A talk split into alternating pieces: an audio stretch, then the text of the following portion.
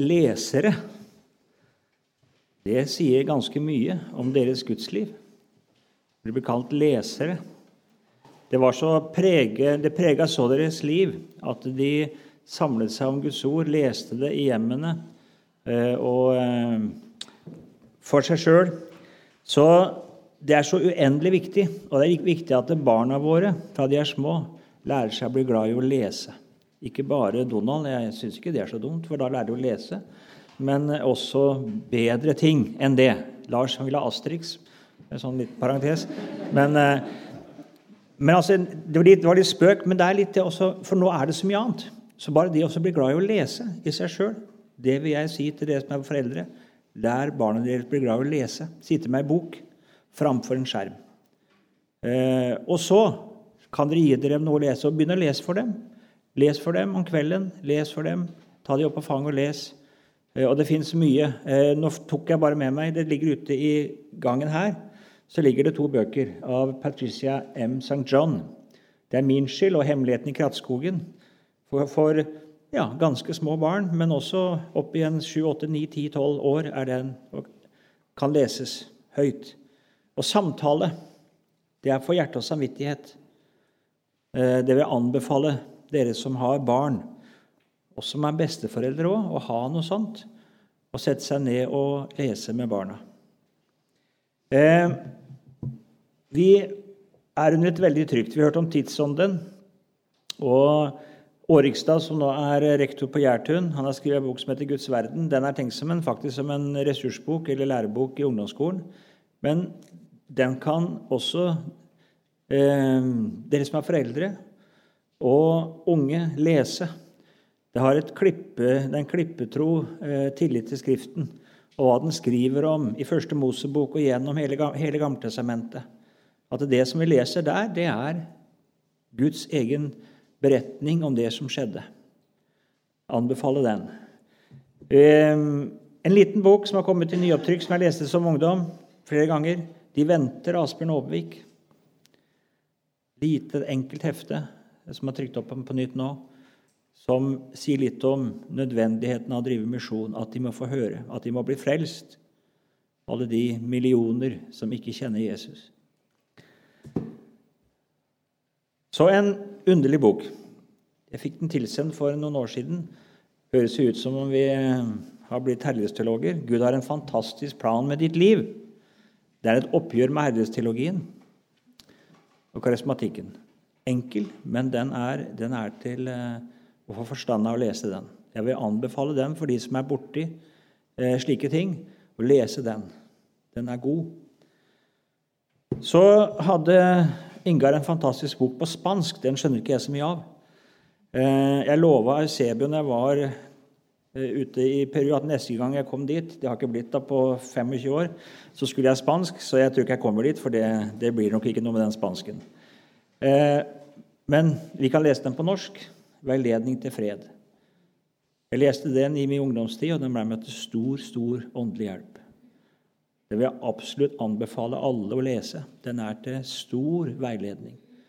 Klar og usvikelig veiledning til fred. Det er den.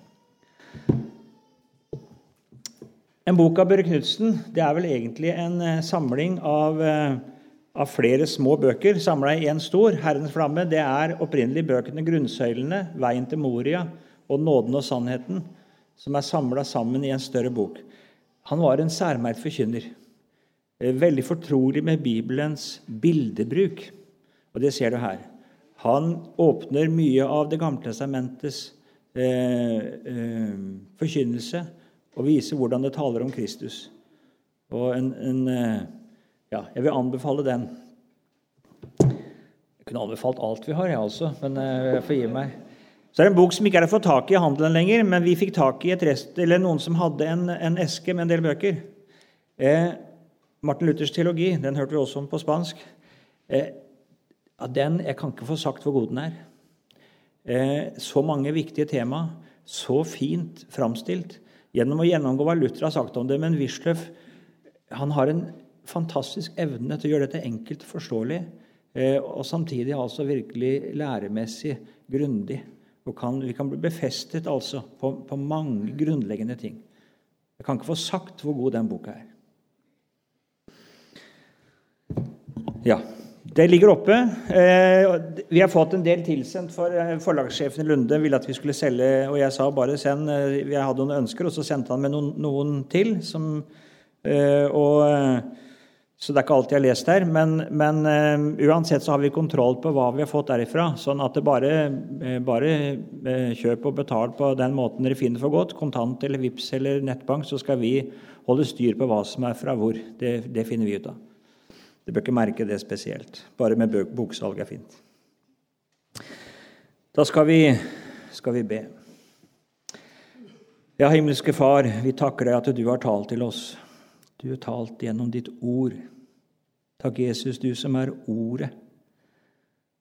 Og så har du ikke åpenbart deg i synlig skikkelse, men du vil tale til våre ører, så vi kan høre. Troen kommer av det budskap som vi hører, sier du. Og så ber vi gjøre oss lydhøre. Og så ber vi vend våre blikk mot det som vi har i vente. Vend våre blikk, Jesus, mot deg, du som allerede har satt deg ved Faderens høyre hånd. Du ser hvor vi er lett å bli så kortsynte.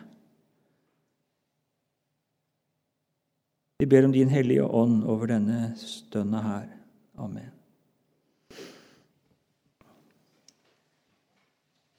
Vi gjør som i går, at vi leser avsnitt for avsnitt, men litt sånn innledningsvis. Eh, det vil jeg kalle en trøstebok. Det er en trøstebok. Framfor noe så er det en trøstebok. Det er jo rystende, til dels skremmende hendelser vi leser om, men den er skrevet til trøst for de troende. Vi var stansa for det i går, at framtidsboka ligger i lammets hånd. Hvilken trøst! Alt som skjer, er i hans hånd. Og Nå skal vi her i kapittel 7. Vi fikk høre om disse seilene. Veldige ting, forferdelige ting. Og så får vi to trøstesyn. Trøst til de troende. En som vi på en måte rykkes ut av det vi ser, og det som vi ser for øynene våre, det vi opplever. Og så får vi se det fra himmelens synsvinkel. Og så ser vi at de troende, de er salige.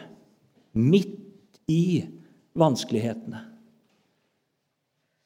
Jeg har sikkert hørt om han som Det var en sånn, det var, om det var han eller hun, vet jeg ikke, men det var en sånn malekonkurranse noen kunne skrive eh, Det var, det var fred ja, som var tema. Og så var det en som hadde malt et bilde av en liten fugl, eller det var fotografi, vet jeg ikke, en liten fugl som satt midt i en storm, eller en, en foss, på en stein der, hvor det var bulder rundt og frådende vannmasser. Og der satt denne lille fuglen. Som om det var den mest fredelige plass. Og sånn er det på mange måter å være en troende skal få lov til å regne det at jeg er under Herrens vern midt i det stormende, midt i det som skjer. Det er noe av det vi møter her i kapittel 7. Nå etterlot det sjette seil seg et spørsmål. Hvem skal, hvem kan da bli stående? Når denne verden går under, og menneskene skal framfor Gud, hvem kan da bli stående? Når lammet selv er vred, hvem kan da bli stående? Og Her gis det et svar til de troende. Dette som vi møter her i kapittel 7, det gjelder ikke verden. Det gjelder de troende. Det er et trøsteord til dem. Det er det som er temaet her. Vi får se den troende flokk på jord, og vi får se den bak forhenget framfor Guds trone. Og så er trøsten det at Herren selv han er mektig til å bevare sine her i tiden, gjennom trengselen og hjem til seg. Vi skal lese da de åtte første versene i Jesu navn. Deretter så jeg fire engler som sto ved jordens fire hjørner og holdt på jordens fire vinder for at det ikke skulle blåse noen vind over jorden eller over havet eller på noe tre. Og jeg så en annen engel som steg opp fra soloppgangen, og som hadde den levende Guds seil. Han ropte med høy røst til de fire engler som det var gitt å skade jorden og havet, og sa:" Skad ikke jorden eller havet eller trærne, for vi har satt et seil på vår Guds tjenere i deres panner. Og jeg hørte tallet på dem som var beseglet. Det var 144 000 av alle Israels barns stammer. Av Judas stamme 12 000 beseglede. Av Rubens stamme 12 000. Av Gads stamme 12 000. Av Asers stamme 12 000. Av Naftalis stamme 12 000. Av Manasses stamme 12 000. Av Simeons stamme 12 000. Av Levis stamme 12 000. Av Isakars stamme 12 000 av Sebulons stamme 12 000, av Josefs stamme 12 000, av Benjamins stamme 12 000 beseglede. Fire engler står ved jordens fire hjørner. Under Guds befaling skjønner disse er de skal sende straffedommene over jorden. Inntil videre så skal de holde straffedommene tilbake, for det er noe som må skje først. Vi møter det samme i, i Zakaria 6, som var innom i går, med disse fire hestene. Det står der, vi kan slå det opp, Zakaria 6 og vers 5. Det er alltid slik her i åpenbaringsboken. Det er hentet fra Gammeltestamentet. Det står om disse fire hestene. Han spør hva er dette. Engelen svarte, dette er himmelens fire vinder, som nå farer ut etter at de har framstilt seg for all jordens herre. Så vi kunne tenke at det var disse fire hestene, så vi får ikke lov til å gå ut enda. Det er noe som må skje først. Men kanskje like mye er det de straffedommene som kommer nå i kapittel 8. For der er det basuner som kommer. Og de fire første der, de skader nettopp jorden og havet. De skader altså nettopp det som disse her skal holde tilbake. Det er noe som må skje før det skjer. Guds tjenere skal først besegles.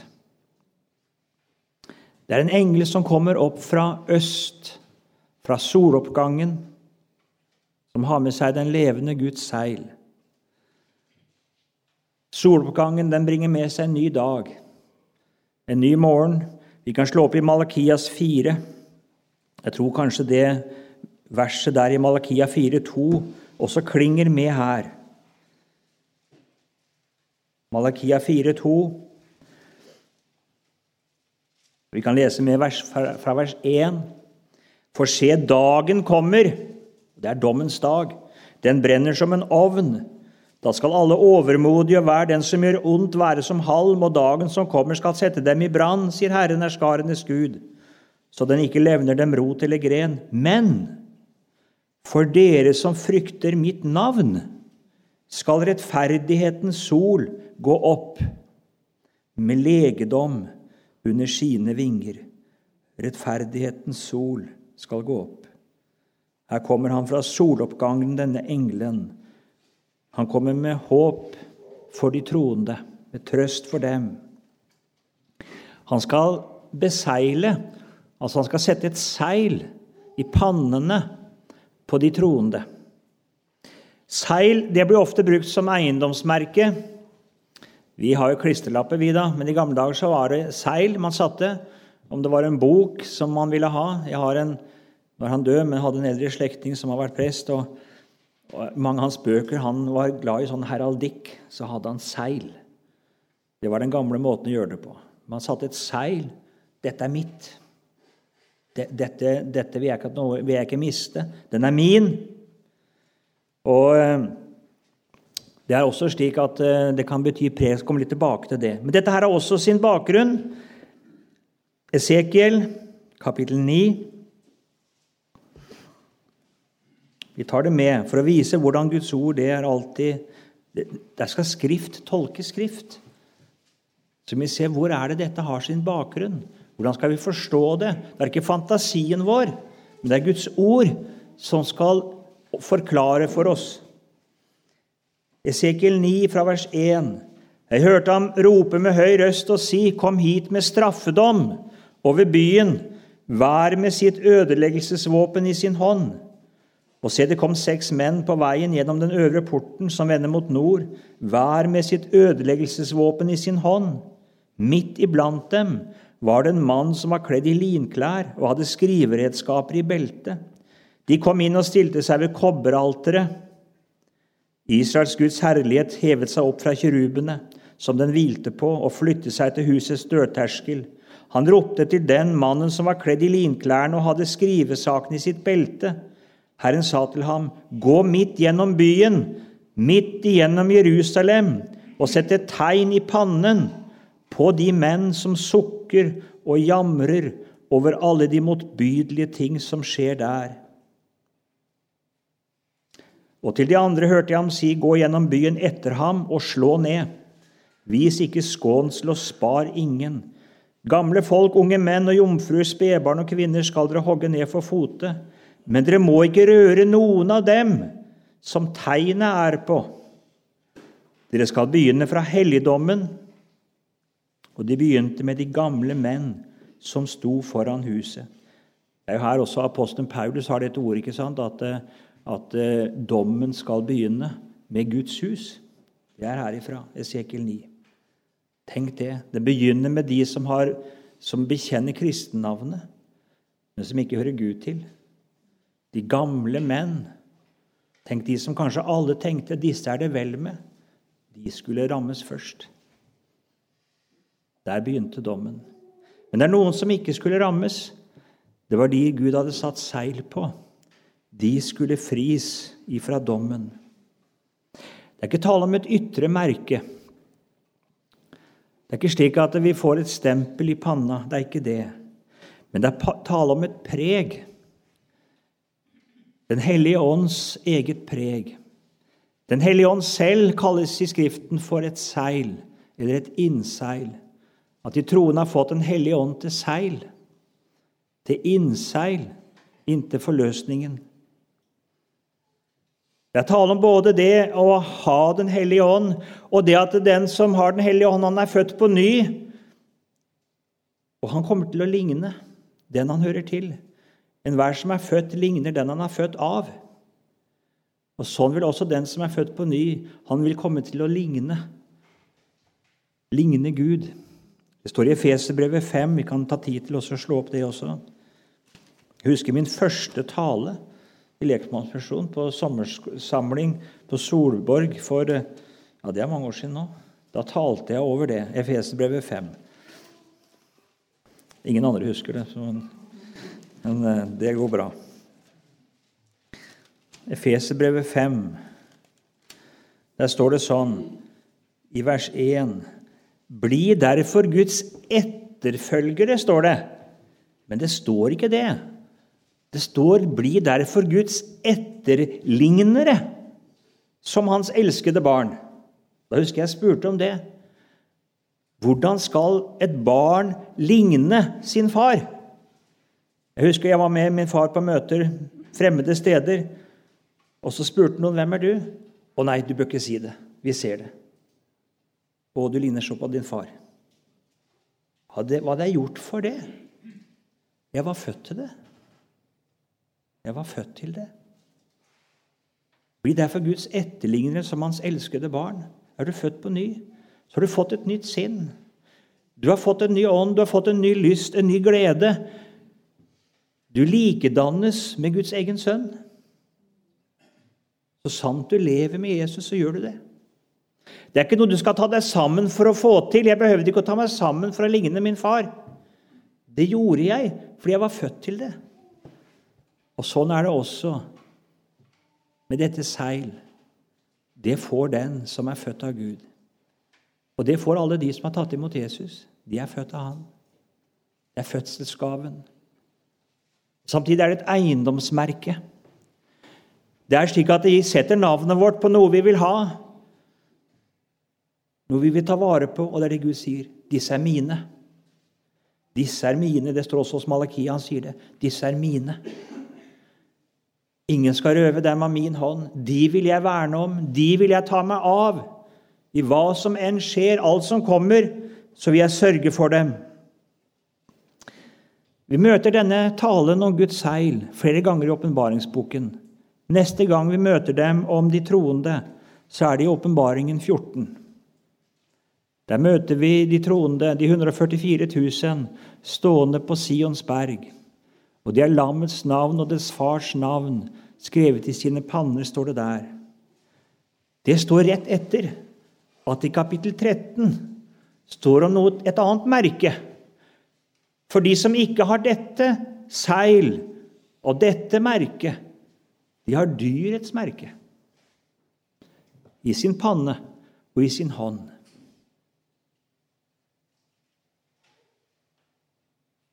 Dyret, han vil ikke det, at du skal ligne din himmelske far. Han vil ikke at du skal være hans. Han vil ikke at du skal vandre som hans barn i denne verden med det preg som det bærer med seg. Nei, han vil at du skal ligne han. Han vil det, den onde, at du skal bære hans preg, at du skal tenke hans tanker, følge hans ideologi. At du med hånden skal gjøre det som er hans gjerning. Det vil han. Dyrets merke er heller ikke et synlig merke. Det er ikke sånne ting. Det er også dette. Det er et preg. Det er at eh, du i din tanke og sinn, i ditt liv, følger den onde. Følger tidsånden, som dyr er uttrykk for. Det er det det er tale om.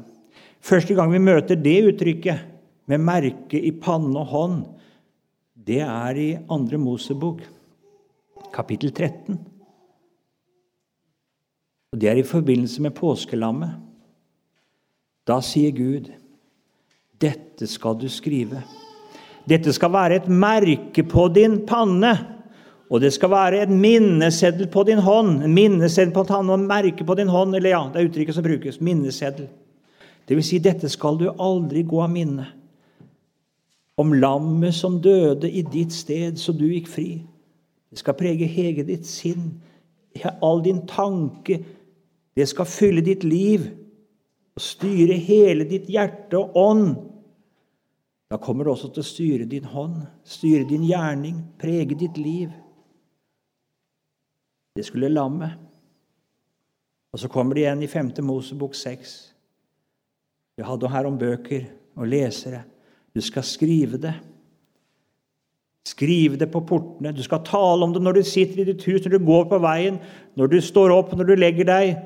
Innprente det i dine barn. En minneseddel på din panne og på din hånd det samme. Guds ord skal du fylle deg med på en slik måte at det preger hele ditt liv, ditt sinn, din tanke, ditt råd og din vandel og din ferd. Ånden og hånden. Vi har det samme uttrykt i Nytestamentet på en litt annen måte. Det er Paulus som sier det slik.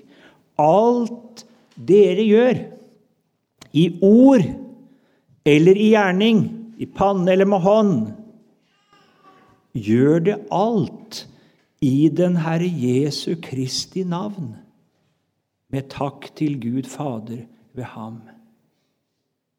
Det er akkurat samme sak, bare sagt i nytestamentlig språkbruk. Men her er vi i åpenbaringsboken, som er i Den gamle testamentets verden, og da brukes merke og seil igjen, sånn som det er talt der. Du, jeg lever i en tid du skal bære dyrets merke. Vi møter det veldig tydelig i denne pride-ånden. Her skal du med hånd og med ånd bøye deg. Du skal i ord og gjerning innordne deg. Hvis ikke så skal du boikottes. Har det undret noen av dere hvorfor alle forskjellige firmaer og næringsselskaper og banker og flyselskaper vet ikke hva det er, har denne, denne regnbuen på VIPS eller hvor det er en overalt? Vet dere hvorfor? De frykter økonomisk boikott. De frykter at hvis ikke de er med her, så vil noen reagere. Og så vil de ikke handle, så vil de ikke bruke dem. Så her gjelder det å vise at vi er med. Vi støtter. Det er noen som har fått erfare det, som ikke vil være med. At mange vender dem ryggen. Jeg har ett enkelt eksempel. Et sveitsisk flyselskap som i alle år har kjøpt sjokolade til å dele ut på flyet fra et sveitsisk sjokoladefirma som er eid av en kristen familie. Så ble det sagt ut på Facebook at disse støtter ikke homofilt samliv. De er imot det. Umiddelbart så ble avtalen oppsagt fra det sveitsiske flyselskapet. Det er nettopp det som står, er det ikke det? Kjøpe og selge. Skal stenges ute. Vi er midt inni det. Men her står det altså om noen som har et annet preg. Det er ikke dette merket de bærer fra dyret. Nei, de bærer Guds og lammets preg og merke. Vet du hva vi skal frykte? Det er ikke for verdens frede. Det er ikke for verdens boikott. Husker du hva det sto i kapittel 6? Det er noen mennesker som skal rope en dag i frykt og angst for lammets vrede. Og Jesus sier det. Frykt ikke for dem som dreper legemet, men ikke kan drepe sjelen. Frykt heller for ham som kan ødelegge både sjel og legeme i helvete.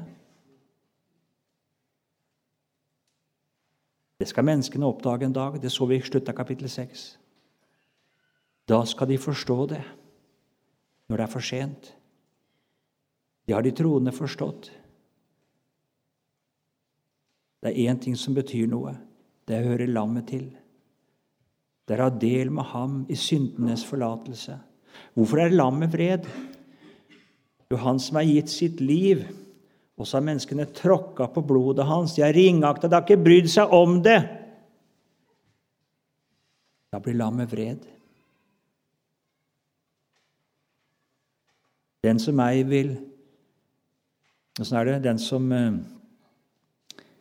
Ja, det er om lyset så skinner ikke at han skal seg på lyset brenne.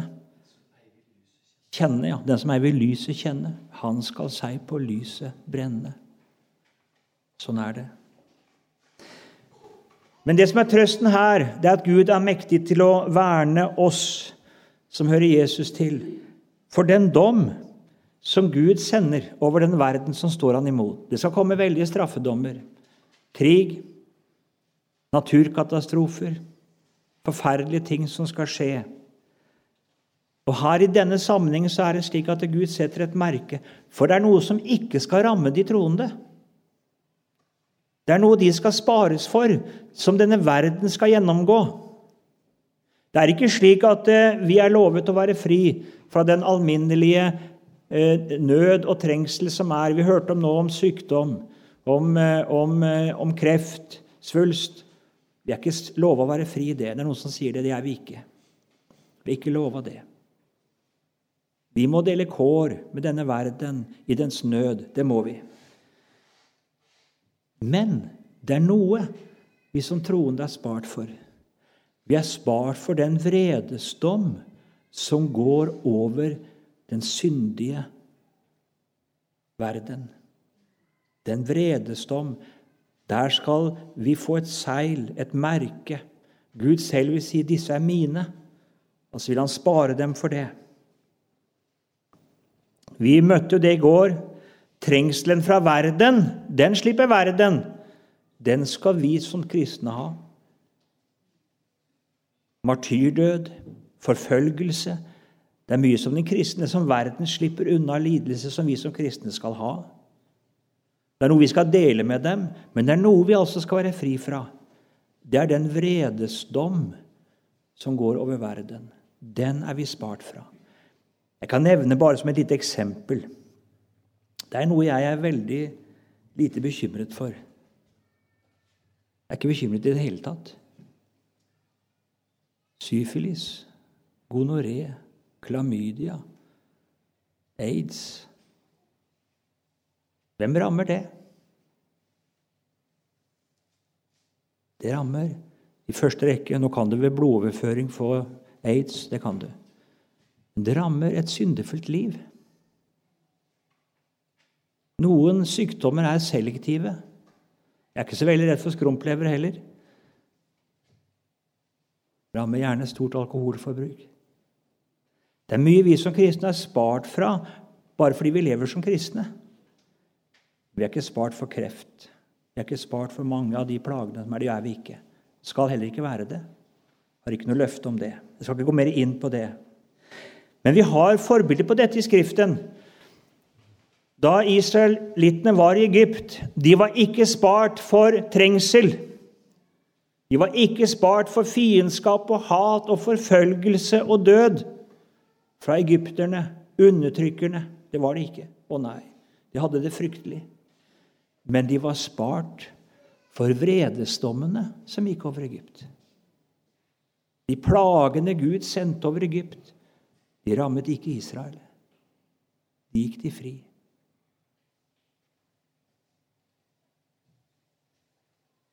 Sånn var det også når dommen gikk over Jerusalem i år 70.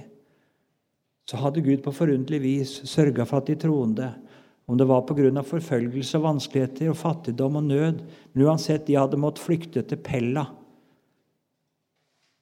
Og når dommen gikk over Jerusalem, så var ikke de kristne der.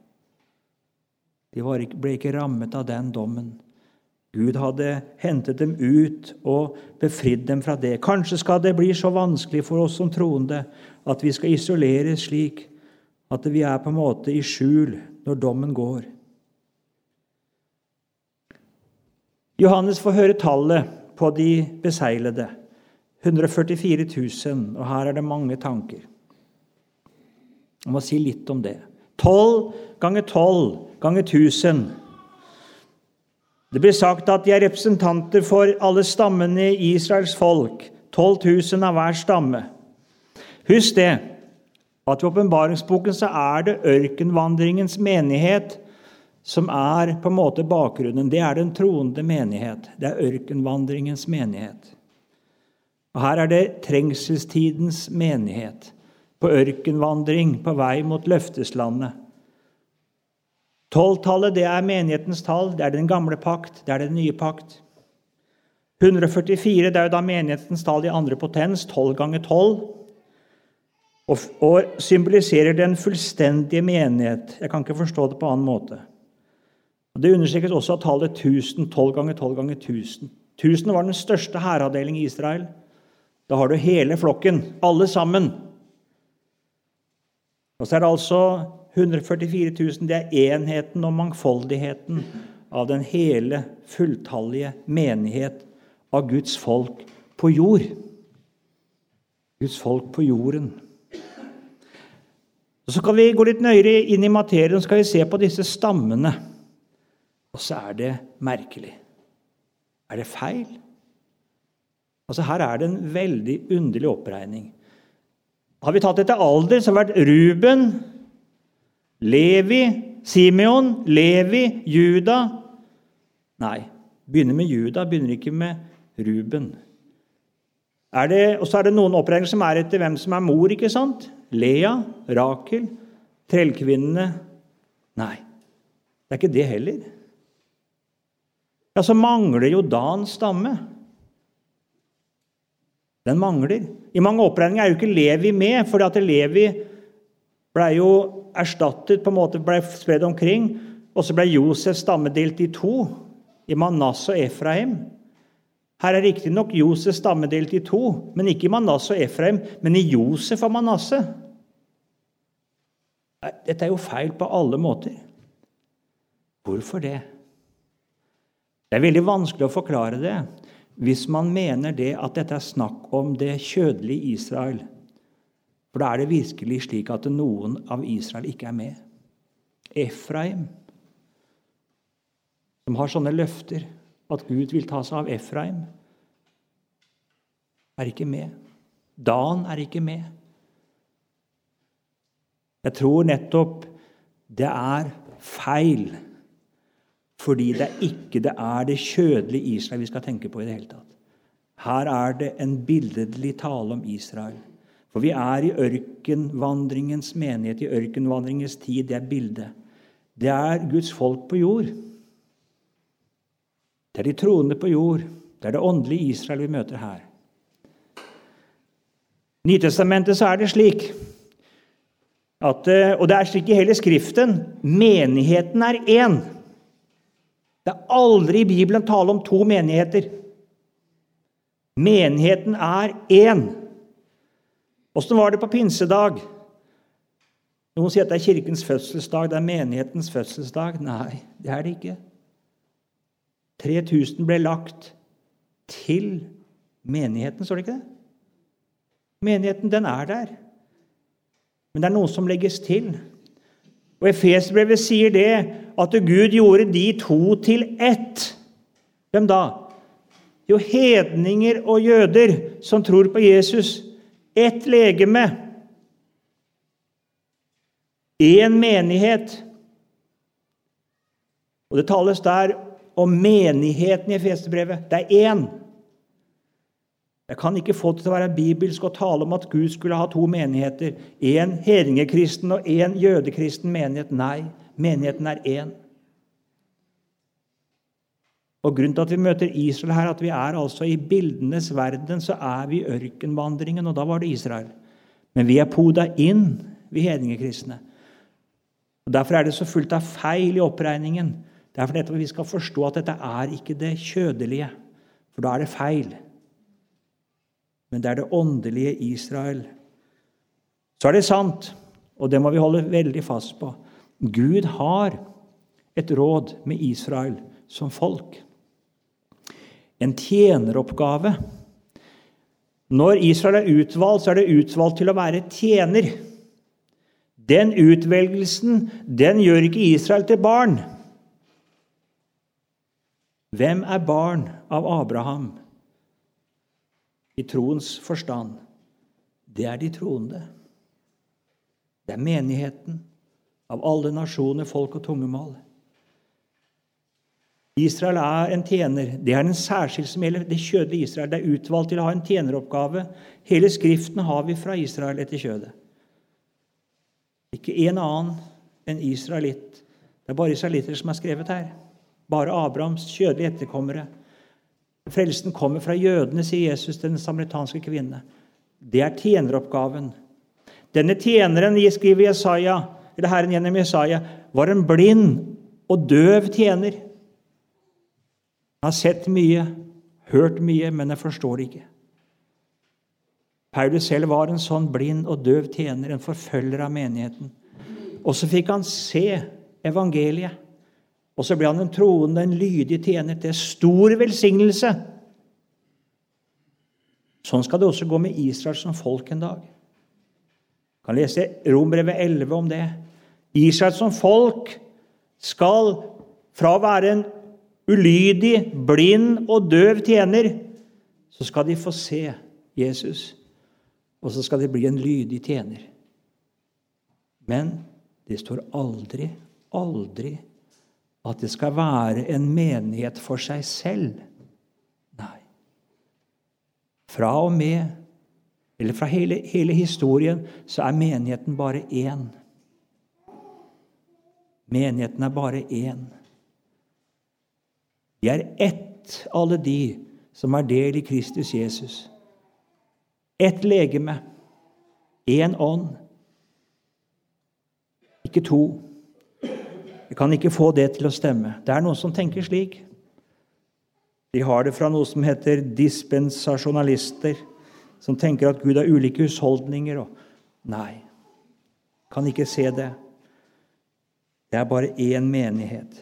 Men det vi møter altså her, det er den, det jordiske, den jordiske menighet. Trengselstidens menighet som har Guds ånd og bærer hans preg, det er og blir en liten flokk. De troende på jorden er og blir en liten flokk. Den kan telles, denne flokken her. Den er jo liten til og med i forhold til Israel, som gikk ut av Egypt. Der var det jo mønstret over 600 000 mann. Her er det bare 144 000. En liten flokk. Og det kan se så smått ut å høre til denne flokken. Men det er stort. Tenk å være blant dem som Herren setter sitt merke på og sier 'disse er mine'. Disse vil jeg ta meg av. De vil jeg verne om. Akt på det når du møter verdens hån og forakt. Om du skulle oppleve forfølgelse, og du frister til å la deg forføre og ta det preg som denne verden har Og den fristelsen, den kommer du til å møte. Og ta det og tenke de tankene og følge den veien og gjøre de gjerningene. Det kommer du til å fristes til. Se storheten da. Det hører Gud og lammet til. Så vendes blikket fra vers 9. Vi må lese det, fra vers 9 til 17.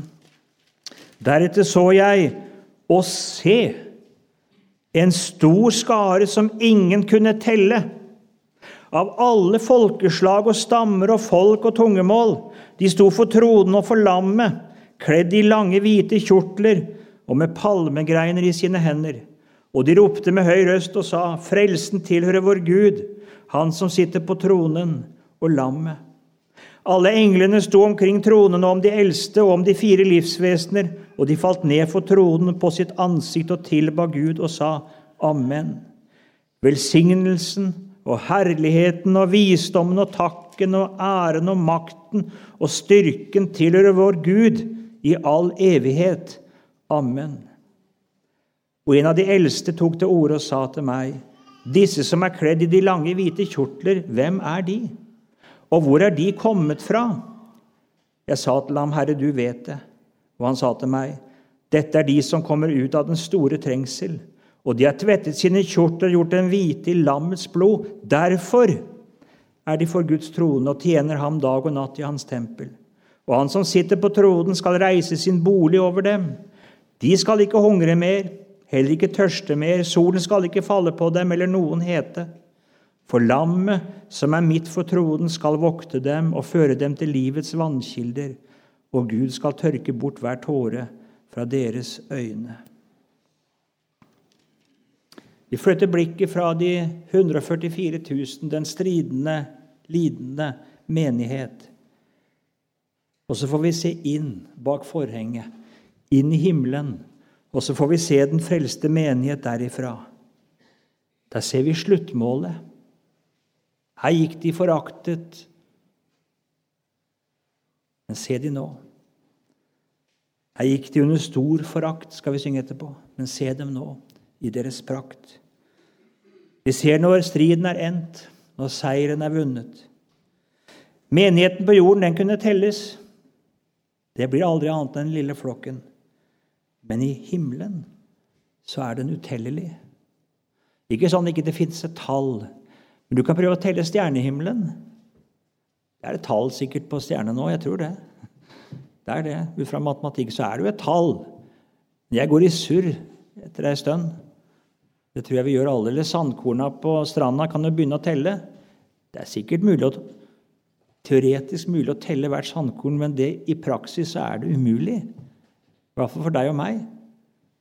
Og Det som menes i Bibelen når det står om det Abraham skulle se på stjernene Det er så mange at du, du går i surr. Jeg har vært i Israel noen ganger og hatt med meg grupper, og så skal jeg holde styr på de.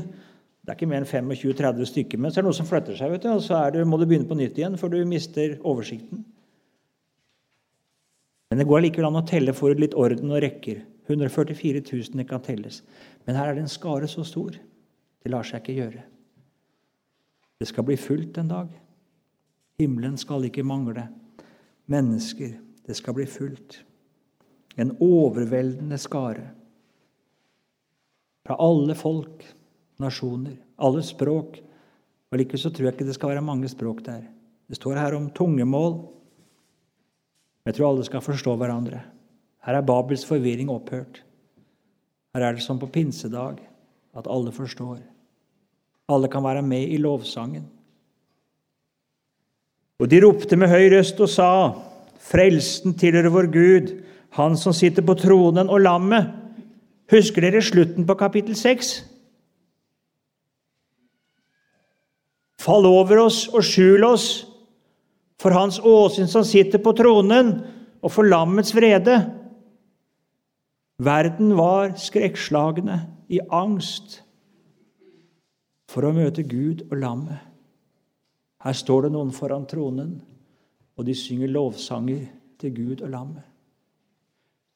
Så spørre deg hvor har du ditt hvilested hen? Vet du hva som kjennetegner gudsbarnet? Det roper 'Abba, far'. Det har sitt hvilested hos Gud. Der det får tale ut, der det forteller hvordan det har gått, der alt er åpent. Jeg husker i min ungdomstid jeg gikk på gymnas og så kjørte skolebuss. Det var ikke mye å høre på andaktene på P1. Det var bare P1 den gangen. Det heter ikke P1, det var bare NRK radio. Det heter ikke det engang, det var bare radioen. For det var liksom bare NRK. Så det var ikke noe annet. Eh, men sånn litt over åtte så kom andakten. Og sjåføren han fikk det helt febrilsk. Måtte han få ned lyden på radioen.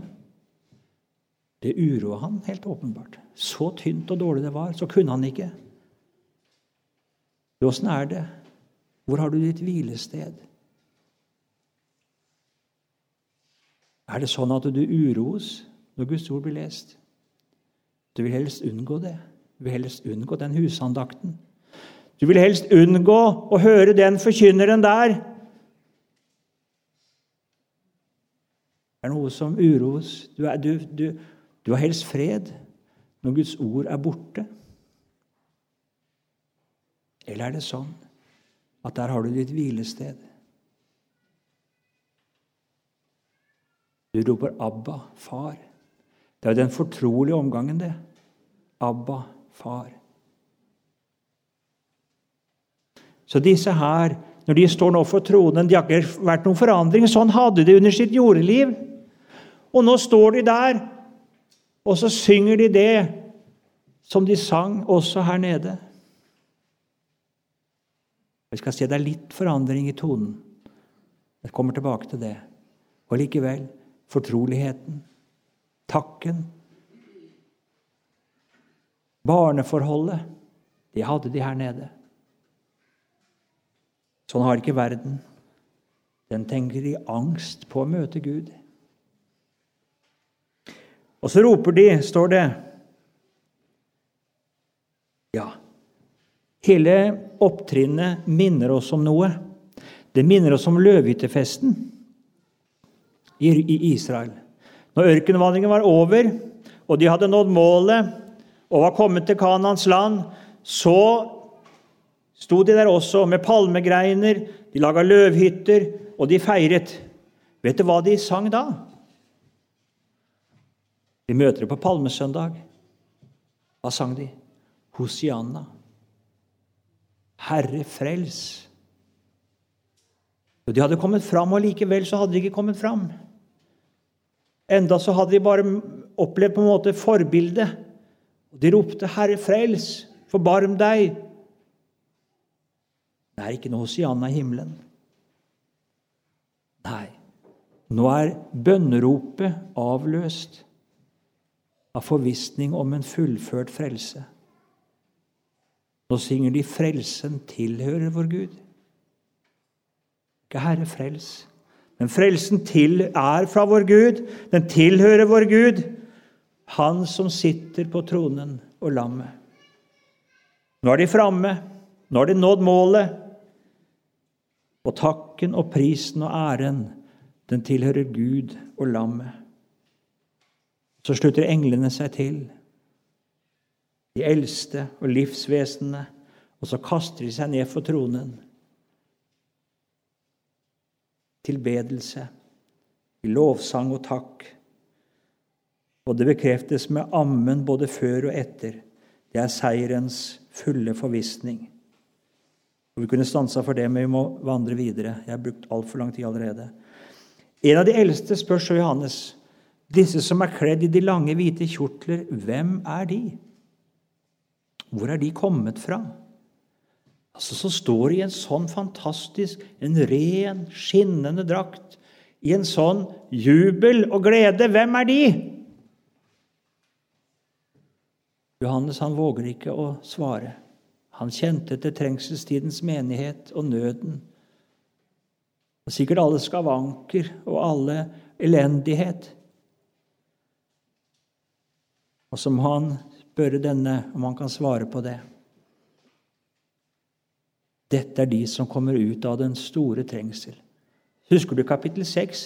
Det var noen som hadde lidd martyrdøden. Blodet var under alteret, og det roper 'Hvor lenge?' Det ble gitt dem en hvit kjortel. De skulle slå seg til tåls. Nå ser du de.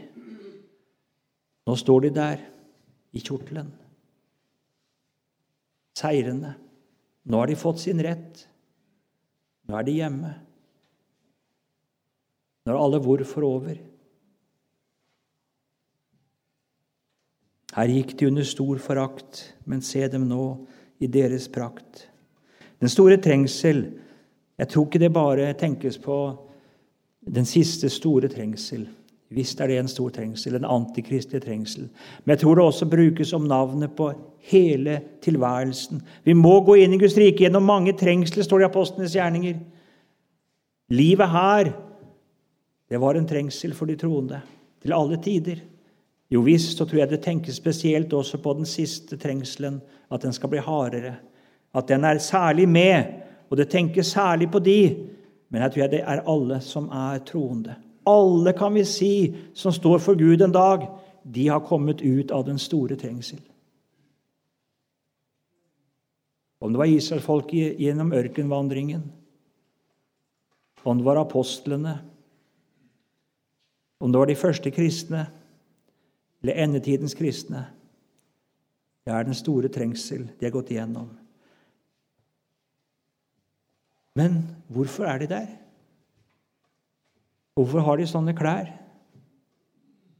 Prestedrakt er det, den hvite kjortelen. Det er et kongelig presteskap nå. De får tre Gud helt nær, som bare prestene fikk. Hvorfor er de det? Legg merke svaret. De har tvettet sine kjortler og gjort dem hvite i lammets blod. Derfor Ikke et ord om fortjeneste. Jeg bruker et lite bilde.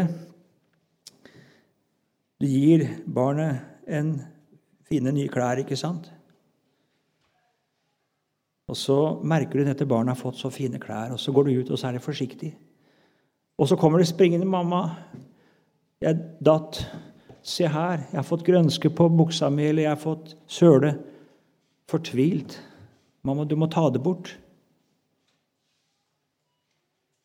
Da kan vi si, sånn Skriften sier, går i hvite klær, for de er verdige til det. Ja, men det søler seg jo til! Ja, det gjorde det. Men det ville så gjerne være rein. Og sånn er det med troende. Men så er det kanskje noen har hatt det som meg, som er ute og maler. ikke sant? Så er det av og til jeg er, vel, jeg er fryktelig lat. Og så gadd jeg ikke å ta på meg den gamle skjorta med litt malerflekker fra før. Jeg tar den som jeg tenker jeg skal bare male litt, og skal være veldig forsiktig. Og så kom det jo litt maling, da. Jeg prøver å få det bort, hente Wildsprit kanskje, eller hvis det er vannmaling, litt vann. Men så var det jo mer. vet du. Ja, Etter en stund så gjør jeg bare sånn. Tørker av meg med hendene på skjorta, for den er jo allerede du har det vel ikke sånn med synden? Ja, litt fra eller til, det spiller ingen rolle. Nei. Den som står for Guds trone, han faller i synd. Han gjør det. Han skitner seg til under vandringen. Han gjør det. Hvorfor måtte Jesus vaske disiplenes føtter? Hvorfor måtte han det? De var jo badet, de var jo rene. Jo, sier Jesus, får jeg ikke det, så har dere ingen del med meg. Det er noe som hører med til den som er ren. Han vil være ren. Og så må han til Jesus med sine synder.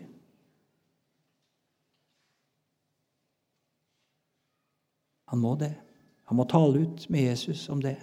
Det er barneforholdet, det. Sånn er et godt barns forhold til far og mor. og Når det er noe, så må det snakke ut. Det er ikke det at barnet er så lydig bestandig. Nei. Det må snakke ut. Og så får det syndenes forlatelse, så er alt godt. Og så får det sitte på mors og fars fang, og så har det hvilestedet der. Det var så godt å sitte der, for da kan jeg komme med det som ikke er som det skulle være. Du, sånn har den troende med sin himmelske far. Du kommer ikke til himmelen for det lykkes, og fordi du fortjente det. Du kommer dit for Jesus skyld. Han er en soning for våre synder, for alle. De har tvetta sine kjortler, gjort en hvite i lammets blod. Derfor. Jeg må ta med det. Jeg møtte to Jehovas vitner. De kom til meg. Jeg sto ute i gårdsplassen. Jeg fortalte før. Jeg får tåle det. Og De vil gjerne spørre da om det er noe, ja, de får lov til å stille meg spørsmål. Ja, sier jeg. Men jeg vil spille deres spørsmål først. Ja, det måtte jeg få gjøre. Åssen skal det gå dere på dommens dag? spurte jeg de om. Jo, sier han som er lederen der, det skal gå bra. Jeg har vitna så mye. Tror du det skal gå bra, sier jeg. Ja. Det kommer aldri til å gå bra, sier jeg. Aldri. Tror du det holder på dommens dag?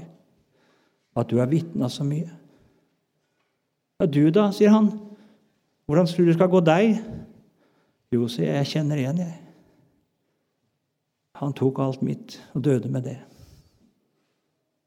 Det slett han ut, og jeg skal få lov til å stå fram for Gud i hans navn.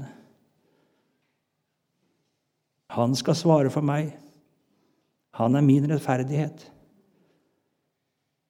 Og i hans navn så skal jeg få lov til å stå for Gud. Ja, ja, ja, ja men det, jeg tror også på Jesus. Nei, se, det gjorde du ikke. Det gjør du ikke. Du tror ikke på Jesus. For det hjertet flyter over av det taler munnen. Og det du vitnet om, det var ikke om han. Det som var ditt håp, det var ikke han, men det var deg. Hva taler du om?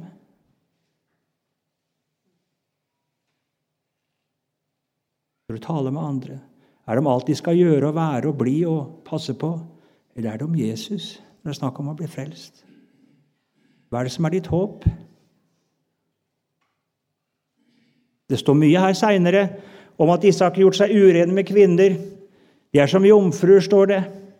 De følger lammet hvor det går. Det er også sant. Men når det er snakk om hvorfor, så er det dette ene. De har tvetta sine kjortler og gjort dem hvite i lammets blod. Derfor. Derfor er de for Guds trone og tjener ham dag og natt i hans tempel. Vi må bare ta med det til slutt. De er som sagt, de står der i prestedrakt. Og så er det egentlig nå Det husker tabernakelet. Det hadde et forheng. Et helligste og det aller helligste og prestene tjeneste i det hellige. Men så var det forheng. Her er det ikke noe forheng. For at de tjener Gud dag og natt i hans tempel, så er det det aller helligste å tale om. Naos, er står det på gresk. Og det er den selve, den indre helligdommen. For Gud har reist sin bolig over dem. Nå lever de Gud nær. Får gå ham nær.